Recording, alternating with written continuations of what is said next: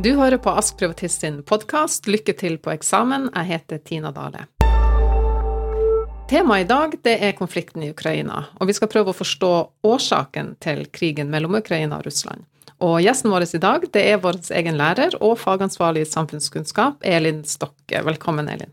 Ja, takk. Eh, hyggelig å være her. Eh, dette er jo et interessant tema. og Kunnskap om denne konflikten det er jo noe som elevene kan bruke både i samfunnskunnskap, eh, historie og engelsk. Ja, det er aktuelt i mange fag, og, og samtidig så berører det oss alle sammen for tida. Men dette er jo en veldig komplisert konflikt, og en krig som kom ganske uventa og brått på mange. Og det er jo ingen tvil om at det er Putin som har starta denne krigen den 24. februar, men, men hvorfor gjorde han det? Hva er årsaken til at Putin går til krig? Ja, øh, vanskelig spørsmål. Men øh, altså det er jo mange som mener at eh, Putin plutselig er blitt gal og irrasjonell øh, når han kan tillate de grusomhetene som skjer nå. Eh, andre spekulerer i om Ukraina bare er begynnelsen på en voldsom ekspansjon vestover for å gjenopprette grensene for eh, det tidligere Sovjetveldet. Uh, og det som skjer nå, det er i hvert fall galskap, kan vi slå fast. Men om, uh, hvis vi liksom skal forsøke å forstå hvorfor Putin invaderer deler av Ukraina akkurat nå, så må vi trekke fram Nato og EU. For, for Russland så opplever de at uh, Nato og EU presser seg på østover, og det er en trussel for eksistensen til Russland. Ja, så både Nato og EU er en trussel. Men hvis vi starter med Nato, da. Hva, hva er Nato, og, og, hvorfor er det så viktig for Putin at Ukraina ikke blir med i Nato? Ja, vi kan jo gi en helt eh, kort forklaring på det. Altså, Nato ble oppretta i 1949, og det ble oppretta som en konsekvens av den kalde krigen. Og kalde krig det er da spenning mellom øst og vest, eh, i hovedsak mellom eh, USA og Sovjet, eh, som starta etter andre verdenskrig og varte helt til Sovjets fall i 91. Mm. Men uh, under den kalde krigen så hadde vi jo en sånn terrorbalanse. Uh, vi hadde to forsvarsallianser som sto mot hverandre. USA og Vest-Europa var knytta sammen som eh, medlemmer i Nato, mens Sovjet og Øst-Europa var knytta sammen i noe som kalles Warszawapakten. Så det er òg interessant at eh, da Sovjet ble oppløst i 1991, så ble Warszawapakten òg oppløst. Og mange av de østeuropeiske landene da, som eh, ble selvstendige, eh, og mange av de som var selvstendige, som hadde vært en del av Warszawapakten, de ble nå medlem av Nato i stedet. Ja, det kan man jo lure litt på, for Nato ble jo oppretta nettopp pga. den kalde krigen, som jo er over for lenge siden. Så man skulle jo tro at Nato ikke lenger var så viktig etter at Sovjetunionen falt, var det i 1991. Men, men Nato blir, som du sier, bare større og større og får flere og flere medlemsland. Og de kommer jo nærmere og nærmere Russland sine grenser i vest. Og det er klart at dette kan vel oppleves som en trussel for Russland? Ja, for eh, altså, en eventuell krig mot Russland, den vil jo komme fra vest. Og derfor så det eh, Ukraina eh, er jo et land som eh, markerer en sånn buffer mellom eh, Russland og Vest-Europa, da. Så det er viktig for Russland at Ukraina ikke blir medlem av Nato. Når, eh, altså Russland frykter jo ikke grensene i øst, for der er det jo gigasvære Sibir. Eh, Sibir er jo faktisk dobbelt så stort som Russland. Ja, nettopp. Ingen vil vel komme den veien fra? Nei, da må de i tilfelle gjennom hele Sibir og over Uralfjellene og sånn. Så det er jo helt umulig. Men eh, så vi kan si at Sibir beskytter altså Russland eh, mot angrep fra øst. Eh, så under sovjettiden så var østblokklandene de fungerte som en buffer eh, mot eh, Nato-landene, ja. da. Ja, kan ikke du kjapt forklare, det, Elin, hva er, hva er østblokklandene? Ja, altså østblokklandet, det er Polen, Ungarn, Tsjekkoslovakia, eh, Øst-Tyskland, Romania, Jugoslavia, Bulgaria og Albania. Og dette er jo da en sammenhengende belte av østeuropeiske stater med sånn nær tilknytning til Russland eller Sovjet. da. Og dette beltet eh, har vært veldig viktig for Russland og Sovjet. Eksempel napoleonskrigene. Da fungerte dette beltet som en slags buffersone, da, som gjorde det vanskelig for Napoleon å, å ta Russland. Og eh, det jo òg det vanskelig for Hitler å ta Sovjet under andre verdenskrig. Så eh, vi kan si at østblokken da fungerer som et uh, dybdeforsvar for Russland. Ja, uh, men er det ikke flere av de her østblokklandene som har blitt medlem i Nato, som eksempel Ungarn og Polen og Bulgaria har jo det. Så, så, hvorfor er det greit for Russland at disse landene har blitt med, men så er det en så stor trussel nå at Ukraina blir med? Hvorfor er det?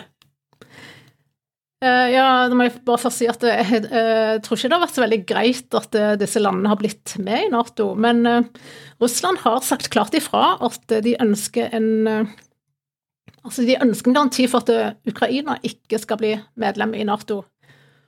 Og det skyldes jo da særlig den geografiske plasseringen av Ukraina.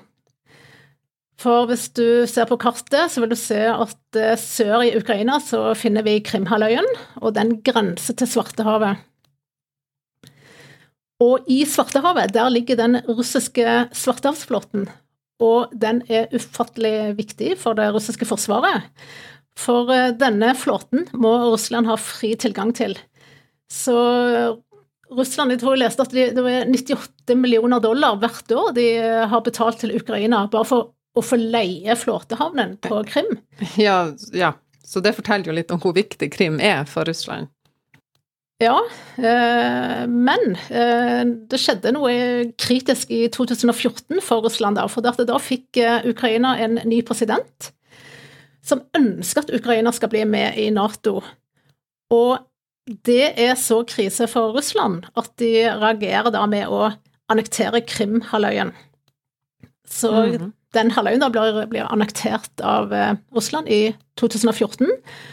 Og det eh, skyldes først og fremst at de er redde for at Krim skal bli brukt som Nato-base. Og Krim er ikke så viktig for USA og Nato, men ufattelig viktig for eh, Russland, siden at det er jo da basen for eh, denne viktige stillehavsflåten. Ja, så Ukraina da, de er altså viktig fordi at landet fungerer som en buffer mot vest, men også nettopp fordi at Krimhalvøya i Ukraina da har, gir direkte tilgang til Svartehavet. Men, men har ikke Russland allerede full kontroll over Krim? Jo, godt spørsmål, Tina. For de har, de har jo allerede annektert eh, Krim i 2014. Men det som er problemet for Russland, at de har ikke fått godkjennelse internasjonalt for at Krim skal være en del av Russland. Og eh, Russland har jo hatt eh, folkeavstemning på Krim, og et overveldende flertall svarte da at de ønska å bli en del av Russland. Men eh, Putin har ikke fått sånn internasjonal støtte, og for det at andre land godkjenner ikke denne folkeavstemningen, for at den dreide seg kun om to måter å bli en del av Russland på. Og så er det jo òg selvfølgelig problematisk at Ukraina ikke har blitt involvert. Nei, for de hadde ikke noe de skulle sagt. Eh, tydeligvis ikke. Nei. Eh, men det som òg er interessant, er at når Krim ble løsrevet fra Ukraina i 2014, så var dette noe som inspirerte òg folk i Øst-Ukraina til å gjøre det samme. Så i Øst-Ukraina så har det pågått kamper siden ja, helt siden 2014 og fram til i dag. Eh, og og målet er jo da å løsrive Øst-Ukraina, altså de to regionene Donetsk og Lugansk, fra Ukraina. Og disse to regionene kalles separatiststater, og det var jo det som starta krigen i Ukraina. Og det var det som var årsak til at Putin da den 24. februar i år sendte inn eh, ja, militære styrker. Han kaller det fredsbevarende styrker, da, eh, for å hjelpe disse separatistene. Ja, Så Putin sier sjøl at han skulle frigjøre, han skulle hjelpe disse menneskene. Han starta altså en krig mot Ukraina for å hjelpe folk i Øst-Ukraina til å bli en del av Russland da, egentlig, eller? Uh, ja, altså ifølge Putin selv så ga han ordre om å gå inn i Ukraina for det at uh, Russland da skulle bistå disse her to ukrainske regionene. Og Putin hadde jo på forhånd anerkjent uavhengigheten til de, da. Og eh, Russland kaller jo òg dette området for eh, det gamle Russland. Og eh, det er jo mange i uh, disse to regionene da, som føler seg som russisk òg. De snakker russisk, og det har vært en del av Russland siden 1600-tallet. Og det samme gjelder jo òg Krim, da, for Krim har jo òg tilhørt Russland tidligere.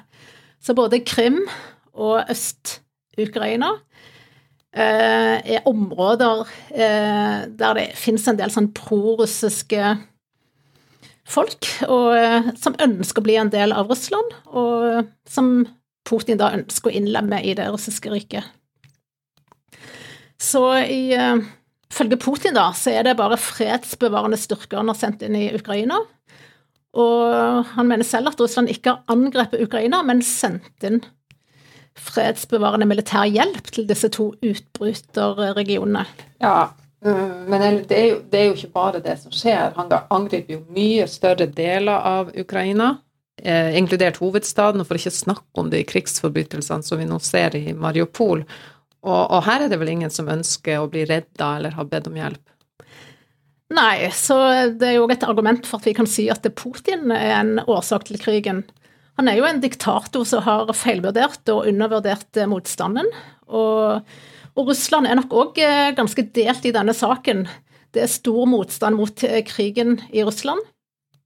Men det er jo ikke så lett for oss å vite hvor stor denne motstanden er, for dette pressen er jo statskontrollert. Og, og hvis du yter motstand, så blir du jo fengsla, eller du kan risikere at du plutselig forsvinner. Ja, det virker veldig farlig, egentlig.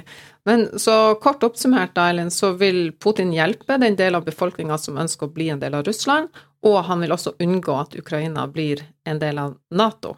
Men han går åpenbart for langt, og uten å ta hensyn til motstand både i Ukraina og innad i Russland.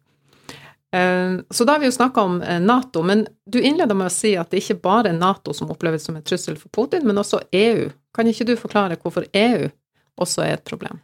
Ja, for det er jo et eh, økonomisk motiv òg her, da. Og for Ukraina er jo, utrolig, er jo et utrolig stort land, og viktig handelspartner har det lenge vært for Russland. Og altså, Ukraina er jo òg med i en økonomisk union med Russland. Og det er derfor svært problematisk for Russland eh, at Ukraina nå har en president som ønsker å gå ut av denne økonomiske unionen og heller bli en del av EU. Mm. For eh, altså fra, Jeg vet ikke hvor detaljert jeg skal gå i dette, her da, men frem til 2014 så hadde Ukraina en demokratisk valgt eh, president, Janukovitsj. Og han klarte å ha et uh, godt forhold til både Vesten og Russland. Men når EU tilbød Ukraina en assosieringsavtale i 2013 Altså det er en avtale da som knytter Ukraina til Altså som ville knytte Ukraina til EU. Og da valgte Janukovitsj å ikke undertegne. Årsaken til at han ikke ville gjøre det, det var at Ukraina allerede hadde eh, en økonomisk, eller var en del av en økonomisk union med Russland og de to nabolandene Hviterussland og eh, Kasakhstan. Og felles for alle disse landene det er jo at de har vært en del av eh, Sovjet. De har lange tradisjoner med handel og økonomisk samarbeid med Russland. Og den delen av EU som eh, til Altså den avtalen som EU tilbød eh, til Ukraina, den ble jo klart en trussel mot dette samarbeidet for det at EU var klar på at Ukraina må ut av den økonomiske unionen med Russland dersom de ønsker å bli en del av EU. Og det er jo innlysende at Ukraina ikke kan være medlem av to økonomiske unioner, både med Russland og med EU. Nei, så denne avtalen da som EU tilbød, den presser altså Janukovitsj til å måtte velge side, eller? Ja, for han var jo i utgangspunktet positiv til et eh, tettere samarbeid med EU. Men han ønska ikke å skape liksom sånn større avstand til Russland. Så han sto i en ganske vanskelig situasjon, og eh, valgte derfor å avstå for å undertegne denne avtalen med EU. Og så gjorde han en avtale med Russland i stedet, og det kom brått og uventa på, og det skapte store oppstander i Ukraina. Ja, men akkurat det. Hvorfor så store oppstander, egentlig? Jeg tenker på Norge har jo hatt folkeavstemning og sagt nei til EU, og nå har jo Storbritannia eh, med brexit De har jo akkurat trukket seg ut av EU. Det er jo en del land i Europa som velger å ikke være med i, i EU, så hvorfor skape et nei til EU så store oppstander innad i Ukraina? Ja, altså Vi kan jo ta forhistorien til Ukraina, da, som er viktig i denne sammenhengen. Da. For Ukraina er jo et ganske nytt eh, land, og det fremstår jo ikke som en samla nasjonal enhet, sånn som Norge har gjort lenge, da. Det er splitta mellom øst og vest, og denne vestlige delen av Ukraina har lenge vært en del av Europa. Denne regnes også for å være veldig sånn nasjonalistisk. Uh, og før første, verdenskrig så var jo Da hadde vi et dobbeltmonarki som het Østerrike-Ungarn. Og eh, Ukraina var Altså vestlig del av Ukraina, det var en del av dette dobbeltmonarkiet. Eh, og i øst, så Den østlige delen av Ukraina, den har vært en del av Russland siden 1600-tallet. Og det har vært en ganske sånn nær forbindelse mellom Russland og den østlige delen av Ukraina. Så dette skillet mellom øst og vest er så markant og tydelig og problematisk. Eh, vi ser det òg i språket. Altså I øst så er de mange prorussiske, og de snakker russisk. Eller har russisk som første språk. Og litt forenkla så kan vi si at eh, den østlige delen ønsker et nærmere forhold til Russland, mens den vestlige delen ønsker å bli en del av EU og Nato. Ja, altså problemet er både at landet er splitta innad, og så er det det som altså er det som du prater om, så er noen av de grunnleggende årsakene til krigen, eh, nemlig at Ukraina er viktig for Russland både militærstrategisk og økonomisk. Så eh, det er et problem at eh, Nato og EU presser seg østover, forstår jeg.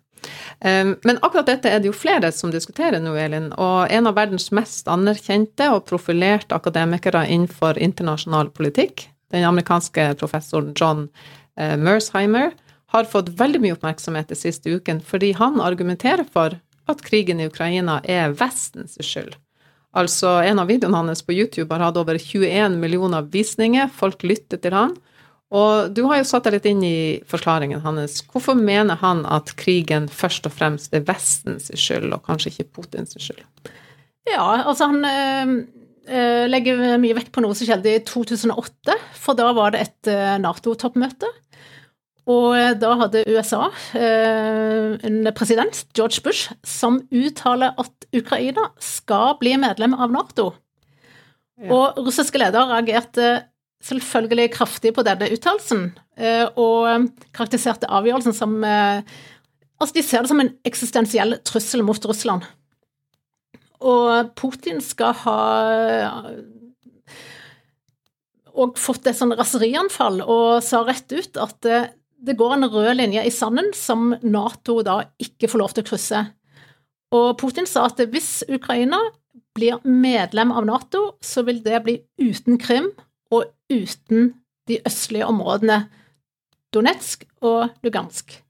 Og det er jo akkurat disse områdene Putin nå krever kontroll over i dag. Så Vesten har altså blitt advart helt siden 2008, og når Nato nå utvider mer og mer østover, så bør Vesten ha skjønt at Russland ikke finner seg i å ha Nato eh, så tett innpå seg, da. Mm. Og, og det som er interessant her, er jo vel at Mersheimer han trekker jo også en parallell til Cuba-krisa i, i, 1962. Og mm. da var det jo USA som følte at de fikk Sovjet og Warszawapakten for nært innpå seg, og, var, og det, USA var villig til å bruke atomvåpen den gangen for å forhindre at dette skjedde. Og nå sammenligner Mersheimer altså dette Cuba-krisa med det som skjer i Ukraina. Er det noe i det, den sammenligninga? Ja, altså han ser jo flere likhetstrekk, for eh, Cuba ligger jo veldig nært uh, USA, faktisk bare 160 km fra amerikansk jord. Og grunnen til at det ble en nesten atomkrig Altså, verden har jo aldri vært så nær en atomkrig så i 1962 på grunn av denne Cuba-krisen. det var det, Selve krisen dreide seg om at USA oppdaga at Sovjet var i ferd med å utplassere mellomdistanse atomraketter på Cuba. Og USA så jo dette selvfølgelig som en stor trussel, å ha sovjetiske raketter så nær amerikansk jord.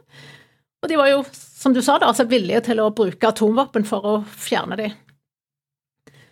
Og det er jo noe av det samme vi ser nå. altså Trusselen at, uh, at Ukraina skal bli uh, Nato-medlem og etablere Nato-baser i Ukraina så nær russiske grenser, det er det er en stor trussel mot Russland, og Russland er villig til å gjøre ganske mye for å hindre dette.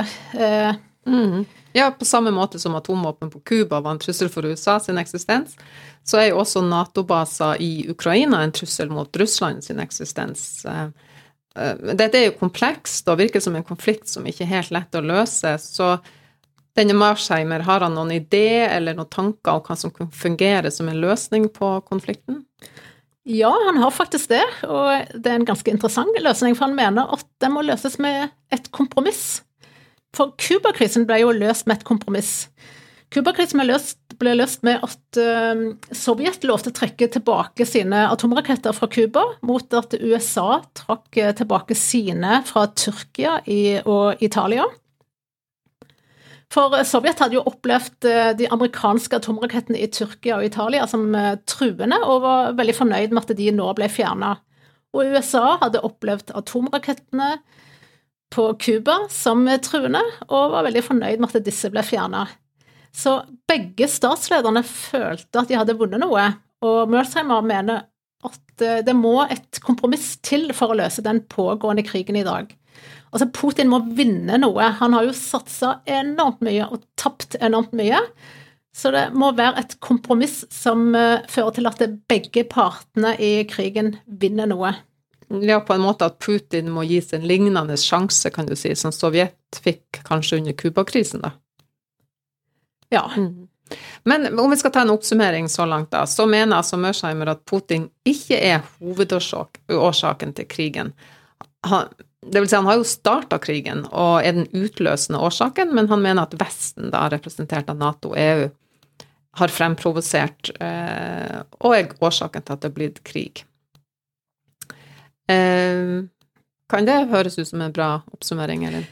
Ja, eh, det var en god oppsummering, det. Og eh, altså, dette er jo det er viktig å understreke at dette er jo en forklaring på hvorfor Russland vil ha kontroll over deler av Ukraina, eller hele Ukraina, da. Men det er jo på ingen måte noe forsvar eller noe som rettferdiggjør de grusomhetene som pågår nå. Og eh, kan jo òg bare legge til at Mersimer har jo blitt kritisert bl.a. for at han presenterer det som, eh, som om Nato og EU har pressa seg på vestover. Men dette er jo òg en ønska utvikling. Altså Østblokklandet har jo selv ønska å bli en del av Nato og EU. Mm. Sånn at det er ulike meninger her, men det er jo akkurat det som er så viktig når man skal forstå en konflikt. Det er flere sider av en sak, og folk vil jo være uenig i årsaken til konflikten og hvem som har skylda. Eh, men i vår fagdeling så er det jo viktig å kunne drøfte og vurdere flere sider av saken, så dette var veldig interessant. Tusen takk for at du kom i studio i dag, Eirin. Ja, takk for at jeg fikk komme. I denne episoden hørte du Elin Stokke og Tina Dale drøfte årsakene til krigen i Ukraina. Lykke til på eksamen er laga av Ask Privatist.